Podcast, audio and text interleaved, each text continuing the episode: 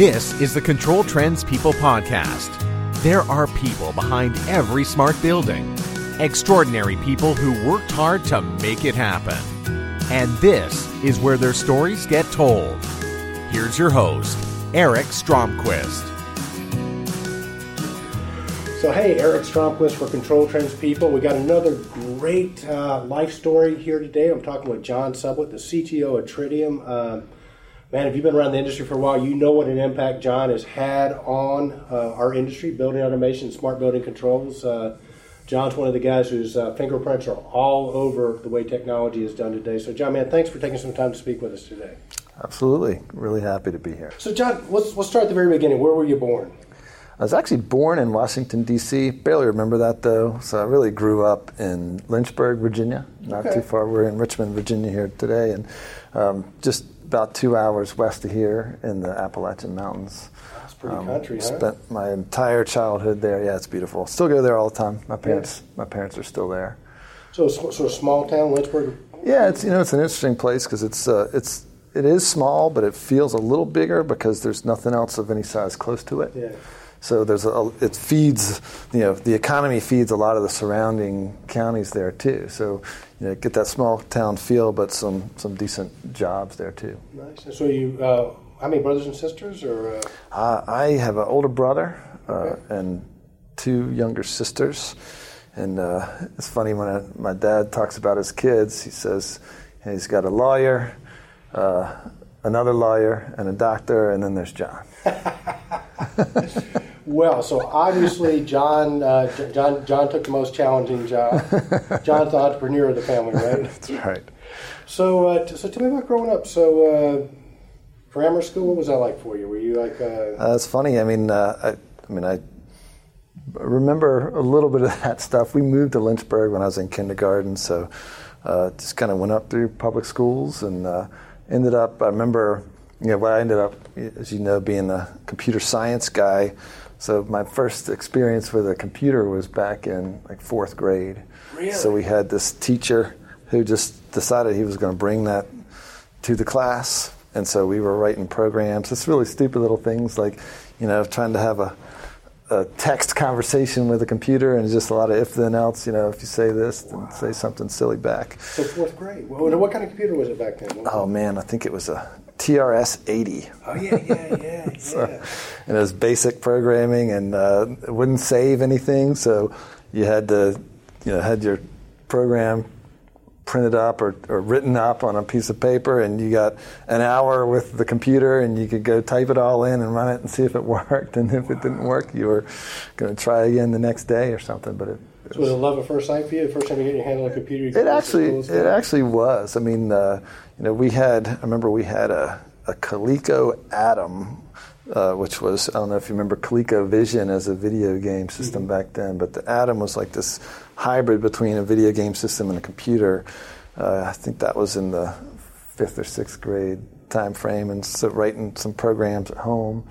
And uh, try to write games and that kind of stuff. And So were you a big gamer back then? And, like, and still now, actually, still now. Are you you know, my wife says she's got four kids.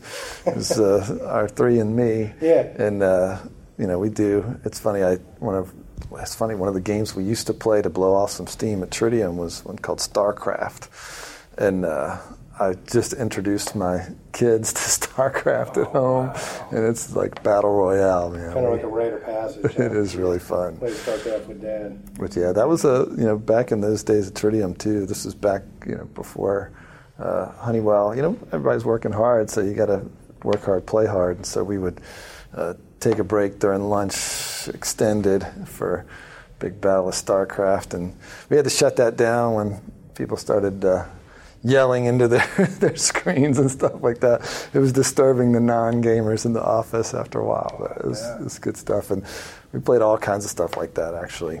I mean, we had people, uh, some of the cast of characters you would know for sure. Like, uh, I mean, it was all, it wasn't just engineering Yeah, playing yeah, this stuff. yeah, so we yeah. had, you know, Gil Rockwell playing with us and uh, Nice. Mark McCoy. I don't know if you guys remember Mark. But Jerry Frank, was he a gamer? Did he, or- He was not. Brian A, probably was. He was a different kind of gamer, but Yeah, not a yeah, not computer kind of gamer. yeah, Brian was in with us. He was definitely in.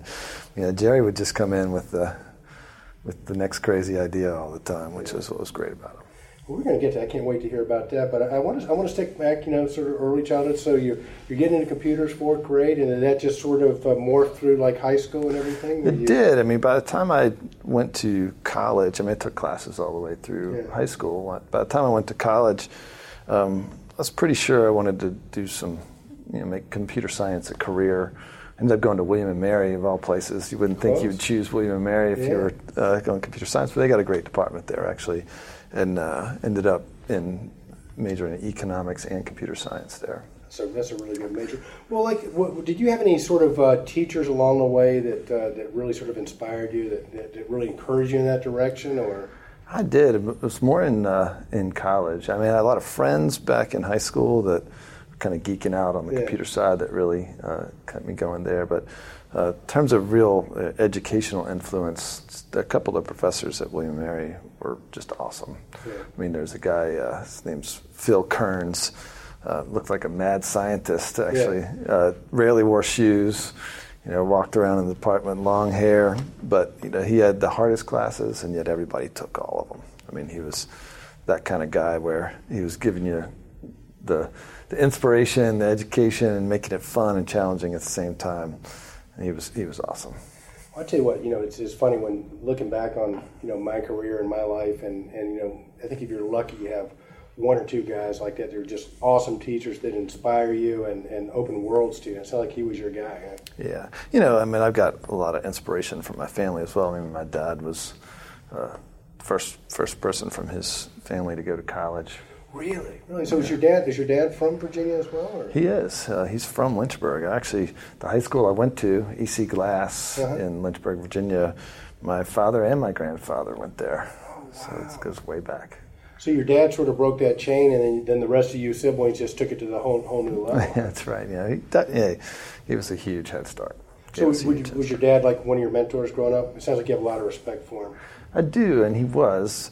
It's been interesting because you know he's a doctor, so, and he's uh, you know into a lot of things, but yeah, I wouldn't call him a technology expert Yeah. by any stretch. So when I call him now talking about uh, career stuff and industry stuff, he's you know he can usually draw a parallel to something he's. Uh, He's he's encountered himself, but it's rarely the exact situation that I'm finding myself in.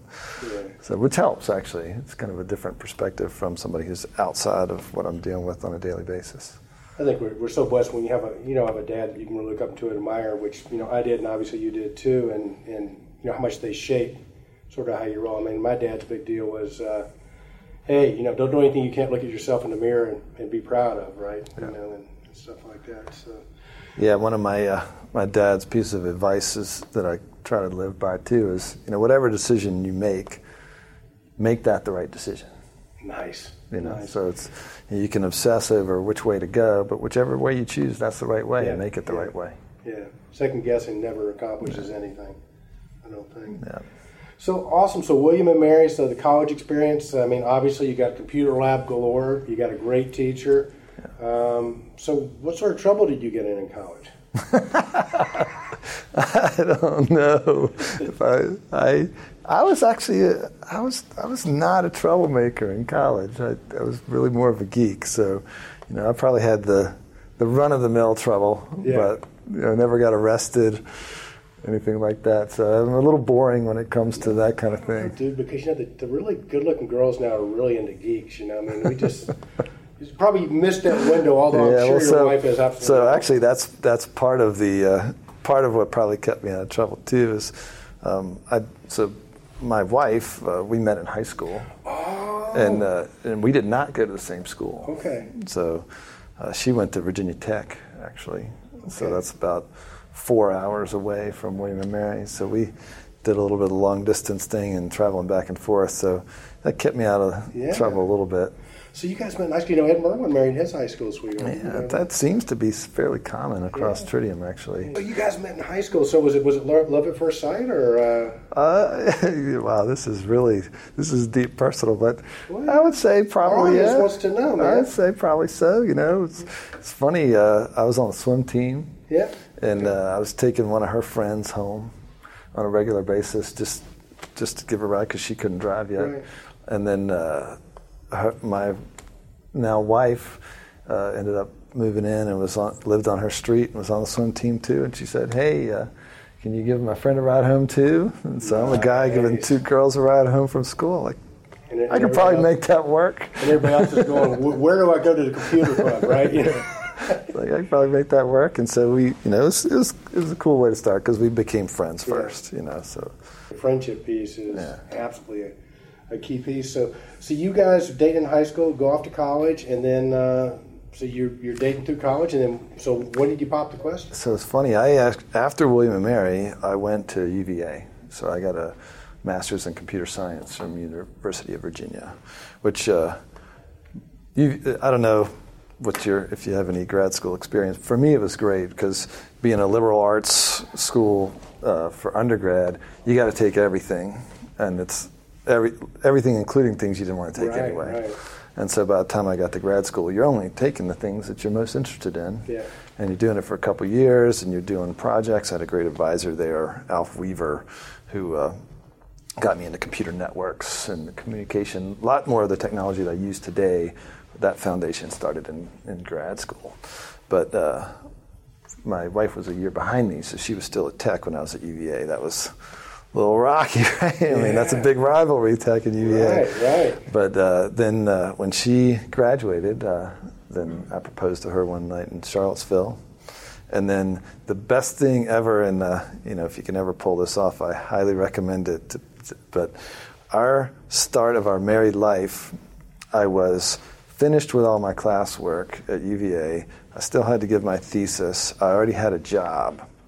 And so we got married, went on our honeymoon, and came back to Charlottesville where I had no classwork and was just finishing up my thesis. So we spent the first month of being married in a college town with very little responsibility, actually. It was, you know, I was getting paid to go there. I still had, you know, it was not real money, but it was enough to pay rent on the apartment and eat some ramen noodles, you know. Right. and so it was it was a great start. So you're gonna have an extended honeymoon. And, Yeah, and and then we went straight from there to uh, the to.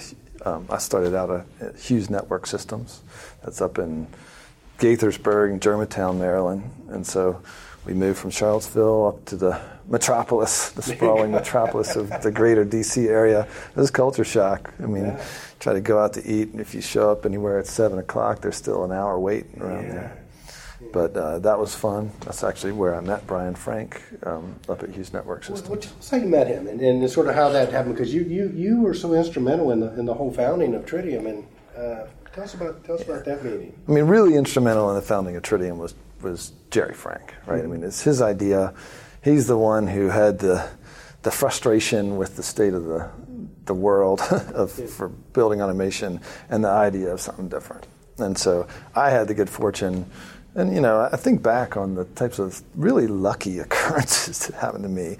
Um, but going up there, I mean, I had four or five different jobs uh, offered coming out of school, and I picked that one just because it seemed nice. You know, seemed like a great job, seemed like a great company, and I liked what they were doing. It was a satellite telephony system, I was in communications from and networking from my my grad school. So happened to pick that place, and I walk in, and the team I happened to get assigned to. I mean, it's a pretty large. Uh, company even it's part of gm Right. uh, but it was still a pretty large division, and I happened to be put on the same uh, development team as Brian. And so, he was there working there as well. he was there already. He had been there about a year. Yeah. Uh, you know, Brian skipped the, the grad school thing. It wasn't just was completely unnecessary for for his brain. So uh, and so he was already there, and uh, you know, no no knock on on Hughes, but it wasn't the most challenging work. Yeah, it turned out. So we had a lot of extra time on our hands while still doing all of the work that to keep up with the, the day-to-day stuff. So, you know, we weren't idle. We actually were st- started to look at other technologies and uh, build things for Hughes that weren't necessarily assigned. So, uh, and at that point, that's when we started playing. Right then was when Java came out. So all of Niagara is built on Java technology, and so we started playing with that up there. And So, and he, he had a background in building. He was with uh, Robertshaw, wasn't he, before he, he was? no, he was his first job out of school was Hughes also. Oh, okay. Yeah, we're he's we're about the same age. He came out of Virginia Tech, but he the reason he was there before me is he jumped straight out of school to up there. Okay, so, so walk me through this. So you guys are doing stuff for Hughes, and all of a sudden one night you're having a beer, and Jerry Frank goes, "I'll tell you what, this building automation controls industry, they're doing it all wrong." You know, Yeah. Well, that- well, what, what happened was so uh, you know. you work with Brian. Yeah, in hindsight, in hindsight, what actually I, I think was happening, and I have to ask Brian this. I never have asked him this before, but you know, was I was I interviewing for that job while I was up there? Because he started coming up with, hey, you know, I want to work on some of this stuff. You want to work on it with me there? And so we were doing these little side projects and stuff. And then, sure enough, at one point we go to lunch. He's like, hey, here's the deal. You know, my uh, my father down in Richmond, Virginia, has been working to start this company. You know, he's been working on it for a couple years, but it's it's a go. We're going to do it. And uh, and so he said, "Do you want to come?" And at the time, you know, I love working with him. Yeah. Uh, Rich, uh, DC was a little bit of a big, big feeling city to me coming from Lynchburg. I had tons of friends uh, from Lynchburg actually that are already moved to Richmond, and so he's offering me the best thing I've ever heard. Yeah. It's like come to work on something really cool. And I don't know, you guys have met Jerry. Yes. Um, you know, he's he can be a quiet guy sometimes, but not when he's got a good idea. So I met with him, and it's like this is a no-brainer. I mean, the guy he's so passionate about it, and kind of lays out what he thinks the challenges are and what we'll be able to go do. And Because Jerry. Jerry had actually been with Robertshaw, right? Jerry had. He came from Robertshaw. He was a So you know, he had the building there. automation. That was where the linkage sort of came in because Yeah, you know, the first, uh, that's one of the things I tell people about Tridium. I mean, of the first, I'd say 30 employees at Tridium, um, Brian and I were the only ones that didn't come from building automation. And so I do think that uh, just by the nature of the beast, it led us down a, a non traditional path, right? Because Yeah. we didn't have any preconceived notions on how it should work. Uh, we worked with Danny Walquist, who was the, you know, he Jerry had brought him over. He was the engineering leader, so he was the, and Dan Georges at the time too. Tho- Both of them had come from, I guess at that point it was CB. Yep. Robert yeah. Shaw and CB. So they brought the experience so they could kind of, and Gil Rockwell was pretty soon in there too, uh, tell us whether it was insane or not, but at least the approach was kind of a, a greenfield experience. So Jerry's Jerry's vision though was was it really based on an open platform? Was was he sort of targeting the whole this proprietary stuff didn't make sense? I mean, what was the Yeah, it's funny. vision? You know what, man? I was going back. This is not that long ago, less than two years ago. I was cleaning out crap in my office at home, and I found some of the old papers from Tridium. And uh, actually, the original company was called Metalogic. And then when we, we knew we wanted it to be a you know web focused, internet focused company, and we went out to get the domain name and couldn't get that one. And so we brainstormed up. I think it was Brian actually that came up with, with Tridium as the new name. But I found these papers, and you start reading the business plan, Yeah. and you know what? Yeah, there was that was you know we uh, went about it a lot of different ways, but the, the the basic the core vision for what started Tridium was exactly that. It was open systems, and uh, you know giving customers choice and bringing the value to the software and the system beyond just the devices that were part of it. And I mean that. That was in writing from day one from Jerry Frank, so it's pretty. and, and, and the rest, as they say, is history. That's pretty amazing to go back and read that because you know when you're on the journey, you feel like you're just going all over the place. You feel like you're just walking through the jungle, and then to go back and uh, and see that from that long ago and go, you know what? That whole walk was on this path that he set back then. You know what? You, you've got to say, please, because you know Ken and I are talking about Ken Smyers and I are talking about eventually having a control trends museum. That document, if we ever get to the museum, should be in the museum. That's that's that's that's that's brilliant. Yeah, brilliant. So wow. So you know, so you're very familiar with disruptive technology because I can remember when that came out. I, I think one of the first things is for disruptive technology. If anybody, if too many people understand what it is, and it's not disruptive, right? At least at the beginning. Yeah. And uh, wow, but to, to think about that, uh, Well, I tell people that too. I mean, uh, everybody they'll ask me, you know, what, where did this technology come from? I told you guys a little while ago that you know if you look at what lined up um, for us when we were starting Tridium and the, the choices that we ended up making, um, it's not that un, uh, unlike what we're seeing today, where there are a bunch of technologies that had just either been approved as standards or released as commercially available things. So Java was right then. So we were 96 when we started. Java was uh, late 95, early 96. BACnet as, a, as an official standard was right then. LonWorks was already there. Uh, the web and the internet uh, both became commercially available right yeah. then. They were academic uh, before then, but for commercial use, they were like 95, late 95. So like, hey, this is the perfect storm. But the uh, the technology is one thing, but the the real big challenge, I think, uh, was the the channel to market, right? Yeah. And so we had, you know, we had. There's Tridium doesn't exist without those early adopters, and they're early adopters in the face of, particularly in the U.S., just dominating big companies with proprietary technology. And so you look at, I mean, look at who we had at Tridium. That's now, you know, we had uh, Paul Oswald, yeah. Ed Merwin, uh, John Petze, John uh, Greg Barnes. Yeah. I mean, all these people that have uh, moved on to create great businesses in this industry, they a lot of them started at Tridium. That was our cast of people that were building the business. So me and Brian and Dan Georges and Gene Allgood and all these guys were uh, building the technology, but it doesn't go anywhere without all that. And that, to me, you know, you look at the, particularly the Vykon guys, that was the original Tridium um, channel and adopters. Those are uh, those businesses are also the who's who of, uh, of building automation. Yeah, now. So you guys must have had a very. What, what, what did you guys look for somebody when you hired them? I mean, because obviously the people you mentioned have gone on to achieve great things. Was there a common denominator that you guys was there something you were looking for to, to be on your team? Yeah, that, so that that's that that side of the business. That hiring was really driven by Jerry, and yeah. so he was looking for some fearless people that uh, that really got what the opportunities were and understood where the, the bottlenecks were in the industry. So I did a lot, you know, me and Brian and others did a lot of the hiring of the engineering. Yeah. And so there we were, you know, our mantra was hire smart people. Yeah. You know, it didn't matter that they had specific experience with a specific technology. You're just trying to hire smart, motivated people who are looking to, to crank on something awesome.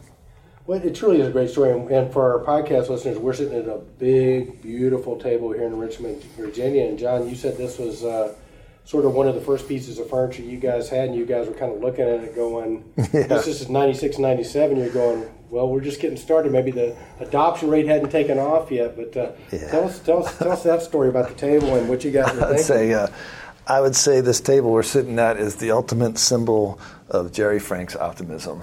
yeah, yeah. Because you know, so you know, I can be uh, I can be um, pretty adventurous when it comes to technology, yeah. but I I will admit that I am uh, fiscally very conservative, and so you know, there's a lot of people that probably listen to this that know me well enough to know that I shop too long for everything that I shop for. So to see a uh, to see this thing show up, and we're sitting in the uh, what we call the customer solutions center here, which is where you know all of our uh, partner and customer meetings happen, and so you know, the other side of this office at the time, we had taken over from uh, a space from Toyota Motor Credit Corp. And so we didn't change a thing in that space. We didn't have the money to do it. And so you walk into that space and you could see where their cubes used to be. So you could see the wear patterns in the carpet from where they used to have the layout. Not only that, we had the payment window in the front office. So up here where the you know, where the reception area yeah. is, that was actually a payment window with a little slot to slide your check. Funniest oh thing about that gosh. too is we had been in the space for over a year, and somebody came in to make their car payment.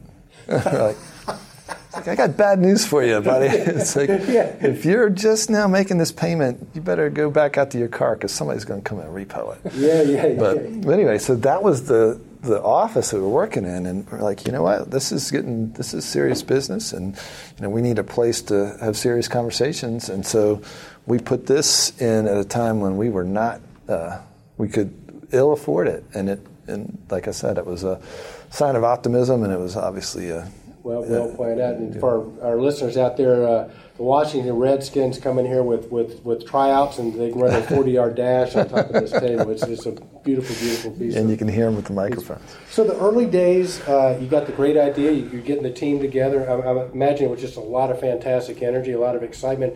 What what were some of the pivotal points that sort of got you guys over that hurdle to sort of get the adoption going? Because you, you really were running Uh, up yeah. against a lot of giants who did not want to see this thing open up. I'm Yeah. sure. Well, I talked about the channel. So, I mean, we had, I say channel, but these are people, right? I mean, Yeah. they're people that are, they get it, they know how to sell the vision. And so it was really their vision too. We just provided them the technology to help, help them execute their vision. So, you know, guys like Scott Cochran. Yeah. And uh, so uh, I'd say the pivotal point, though, I mean, I, I don't know if you're familiar with the, I'm sure you've, you- you're familiar with R2, Right, right, so, right, right. so R1 was the, uh, there was such thing as an R1, Okay. right? So we did an R1 that was really just to raise money for the company, right? So we said, this is the concept we're trying to, to, to execute on. We did do some, you know, a couple of projects with the R1 technology, and that got us the funding to do R2. But R2 was open uh, in the in the sense that uh, you could get it through open channels. You didn't have to get it from one of the big players, and then it was it was open from a communication perspective, so you could talk to anything with it. But what made that happen was we had a team here in Richmond that developed the software to do all those integrations. So you know, systems integrators were using the tools, but we had a team that was writing the code to talk to BACnet and Modbus and legacy systems and all that stuff. And so the pivotal point for us was when we realized that that was not sustainable. Hmm. So it, the, the concept took off so well that we were in the way. I mean, we could not work fast enough to meet the needs of what people wanted on top of this technology. And so we were sitting around and it's like, you know what, this we got to do something different. And I go back and credit Jerry Frank, John Petze, and the, the business leaders at the time, and you know the investors to have the patience with us to do it again. Yeah, So yeah. AX, which is the the version that's out there and you know ubiquitous really, is a, was a complete rewrite from R2. We did we brought almost no code forward, and so I mean think about that. I mean you've got uh, a business that's starting to do okay, but we're hit at this inflection point, and we we go say we want to do it over. It's like- but we did, and that decision point and the, the commitment by the business to let us, that, the technology guys go do that, uh, with the idea that we were going to unleash the hounds, right? We were going to say, this is the core technology, but anybody can build on it. Well, I tell you what, that is wow. You know, that is that's the kind of stuff legacies are made of, right? I mean, you think about it because it's so non-conventional wisdom. We're doing great. We're doing so good, by the way, that we're just going to tank this and rewrite it so we can do it, have it be sustainable. Yeah, and we could It took let- a lot of guts and a lot of courage and a lot of salesmanship, obviously, to get your investors to. And you go back to those early adopters again. It took their belief in that concept too. Yeah. So that that allowed them to invest in their own development. So that's when you started seeing systems integrators hire software engineers, Yeah. And some of the big distributors hiring software engineers. And then uh, in Europe, in particular, you saw whole companies start up that were just developing extensions for Niagara. It's awesome, awesome. No, it really is, and I, and I love to hear the passion in your voice about this. I can tell, man. And, and one one of the common things when you talk to people that have been involved in Tridium is, is their sort of love, whether we're Tridium now or not. There's almost a reverence and, and, and- a love, and everybody talk, they're they're passionate about their days at Tridium. So I It's mean, fun. I mean, you get to see. I mean, I, I still don't know anything about building automation, Yeah, yeah. you know, compared to the people that work Right. in this industry. I mean, you have to learn a certain amount, but being able to provide a technology that you put in the hands of those folks and see where it goes. I mean, that's you guys come to the summit. I mean, uh, we do another event like that in Europe, and uh, it's a trade show also. You know, it's not just Tridium and Right. other people preaching from a podium. I mean, you get to go see what people built. It's like, I mean, it's It it's awesome. you, yeah, Yeah. it really does. So I mean, it's a it's a partnership with people that you didn't even know you're partnering with. So, what makes a good, uh, maybe coder's not even the right word for it, but I mean, obviously the engineers you, you, you sell for software and the people you have, for. What makes a good software engineer? Maybe that's the right right term for it, or programmer, or, or people that work in your department. I think it, that's a tough question. I think I would start with uh, pride in your work. I mean, and a will, uh, you know, a desire to see your your work hit the market, see the light of day, make an impact. I mean, every uh, everything else, if you got those things, it kind of takes care of itself. But uh, you know, if you talk to a software engineer, anything you do uh, as a software engineer, if you look at it a year later or two years later, it looks worse and worse. Yeah, yeah, it's yeah. like, and so like having it be something that you really liked, at least when you did it, yeah. gives it a little bit more longevity. You know, there's a discipline that comes with it that says, this software needs to last, it needs to meet this need, and by the way, I need to be able to pull pieces of it out, put new pieces of it in without breaking the whole. That's a, it's a discipline and a pride in your work, and well, it's, it's a mindset. It's, it's cool because you know obviously come from another side, and I can I'll ask you the question: job or jobs or Wozniak? You're probably going to choose Wozniak, right? Uh, yeah. You know, and you talk to you know guys from the sales side, yes, yeah, Steve Jobs, but without, you know, you got to give them both their due. You have to have both. Yeah, absolutely. But uh, but okay, so was, was he one of the greatest? I mean, so educate our community. Uh, Hall of Fame of uh, programmers is Wozniak at the top, or you know, who, who are the great? some of the greats that if you weren't a programmer, you wouldn't know it. If you were a programmer, you go, yeah, he's right or he's wrong. I mean. Yeah, I don't want to answer. I, I, I don't. That's one I can't really. I, I can't think of recite a bunch of names like that. I mean, there's there's a few, but most of them are writing books and that kind of stuff. Yeah, yeah. No. But uh, yeah. Well, so um, and now you know we obviously got uh, N4 out now. It's a whole new thing. So I mean, you know, just to hear this history for me uh, about sort of how you guys roll. I mean, it just it really inspires me. You know, I was inspired by N4 anyway but now, sort of hearing how you your thought process is for we're going to make it build it better, more sustainable, and, and and I think you just you sort of summed up you know the programmer's dilemma right now. Whatever you write is going to be obsolete, so at least have it right at the beginning and have it be sustainable as long as possible. Yeah. So, so exciting stuff with, with N4. Yeah, N4 was a was a was a big one, and that was uh, you know when you look across. I mean, Niagara is a hard thing to put your finger on. I mean, I feel bad for uh, sometimes for people trying to sell it to somebody that's never heard of it before because I mean, try to describe what it yeah, is, yeah, right? And so you look at the breadth of it, and uh, you know this is still a pretty small team here, relatively speaking. And uh, so you, you, focus on areas that, that need focus at the time, and you try to bring everything else forward. But you know, we had had some areas of Niagara AX that had uh, not gotten that focus in a while, yeah. And so uh, some of N4 was that, you know, bringing uh, focus to the user interface and the, the user experience, kind of refreshing that. Um, you know, it's one of those things the industry had moved on from us, right? So we had a lot of Java in the UI, and the technology has moved past that, and so we had to do something about that for ourselves and the rest of the people building on top of, of, of Niagara. Uh, and then there's the cool new stuff too, right? So, like the, that next generation of functionality. You said it earlier when we were talking. The uh, you know data acquisition is a solved problem, right? So now that I've got that, what am I going to do with it? And uh, so now you've got to bring some kind of common uh, nomenclature taxonomy to it so that you can have this dream of uh, application sitting on top that can make sense of all that data that you are collecting and t- uh, create value from it. And so uh, that's where you know we added all the, the tagging and templating that kind of stuff, and you know plays well with all the the Haystack community, and you know what a great initiative that is. Oh yeah, no, it's just cool stuff. So John, um, wow, this is this is fascinating. So. Um, so, as we sort of wind down a little bit, uh, best piece of advice you've ever gotten? Wow, I got to think of that one for a minute. Well, I mean, I already mentioned the, the one piece from my, my father that just said, hey, whatever decision you make, make it the right one. Yeah. Um, uh, I think. Well, that's a tough one, man. That's a really tough one. Because we all we all get it. We don't think about it, but it's ingrained, you know. So. Yeah, yeah. You know, uh, well, um, one of the things I think is based on you know career choices that I've made. So, uh, you know, I've got a lot of friends who are in software in one form or another. Being so close to DC, and a lot of the schools that I've tended fed a lot of people up to that area, and so DC is really dominated by contract work, mm-hmm. right? So what you're doing as a software engineer there is going from project to project to project and never getting too deep in any one thing. So what I've really liked, and you can hear when I'm talking about the people I've worked with, and Yeah.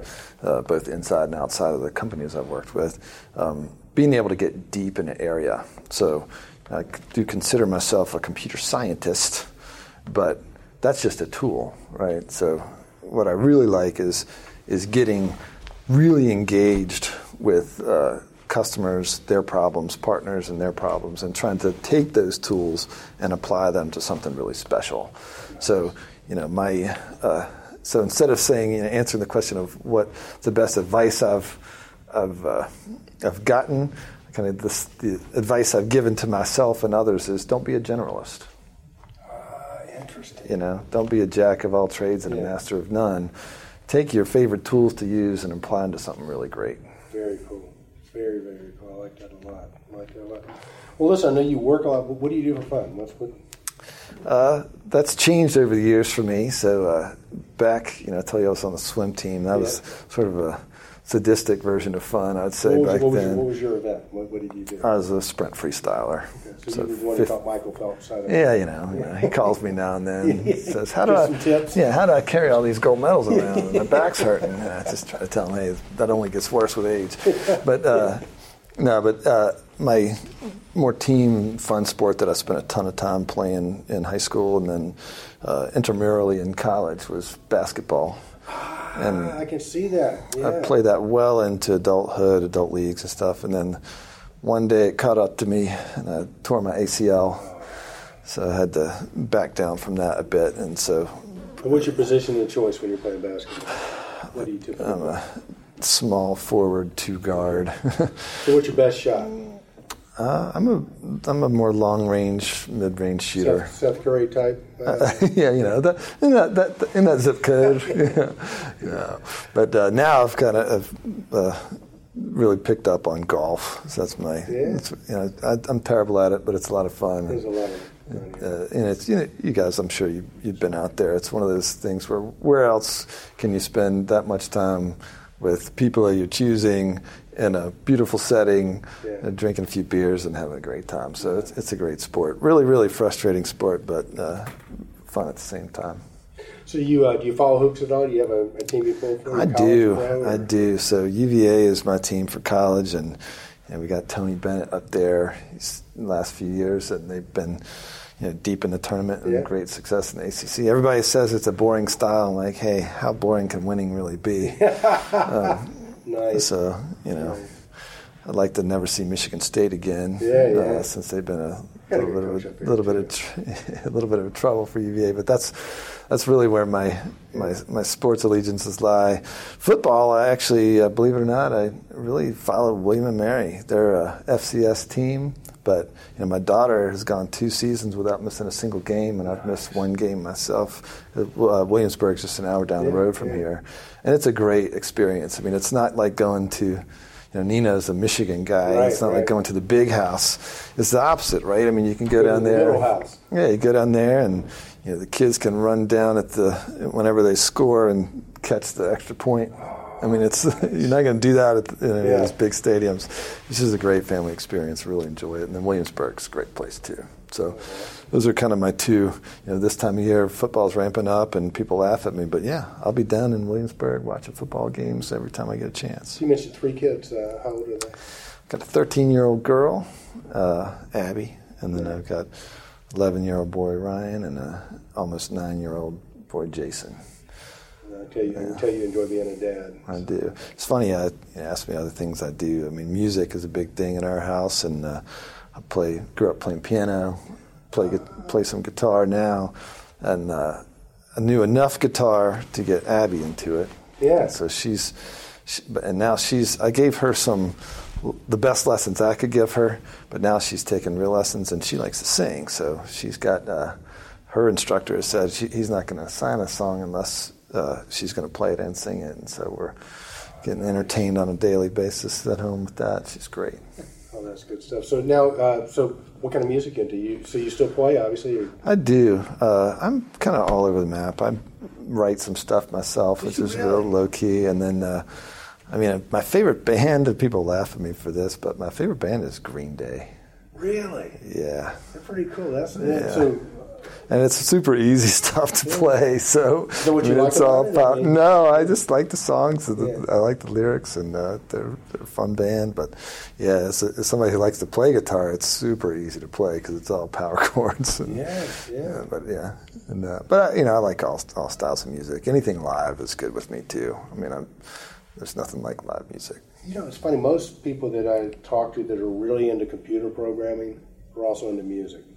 I found that too. In fact, uh, you know, we at one point we t- talked about for one of the summits getting the band together to try Yeah. to play. It didn't didn't end up happening. I don't, I don't know if you remember that we did have uh, Gareth Johnson one year open for the the entertainment, and he played a couple songs. You know, guitar behind the Yeah, neck. yeah. He's incredible.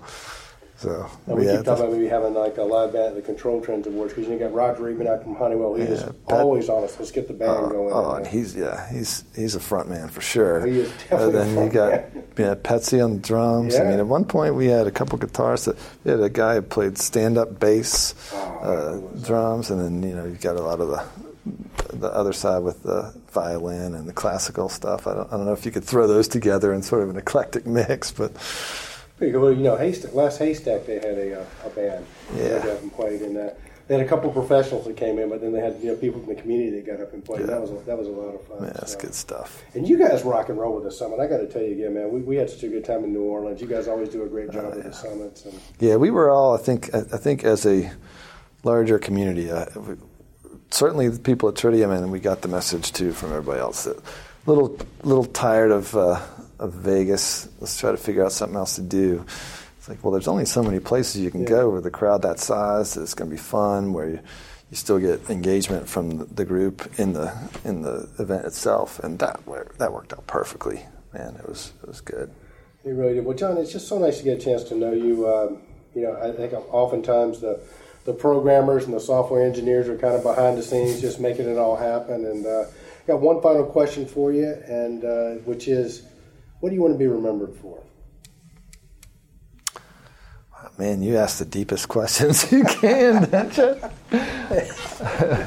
you know, I mean, I, I, I definitely am a technology guy, but uh, what I what I enjoy the most and what I hope people will remember me for is is my collaboration. I really do like to work closely with people, understand. I mean, that's one of the great things about the industry that we're in. Is, and I think uh, you guys mentioned it earlier, the co-opetition. I mean, you got a lot of competition, and yet you've got people that are extremely generous with their experience and their knowledge.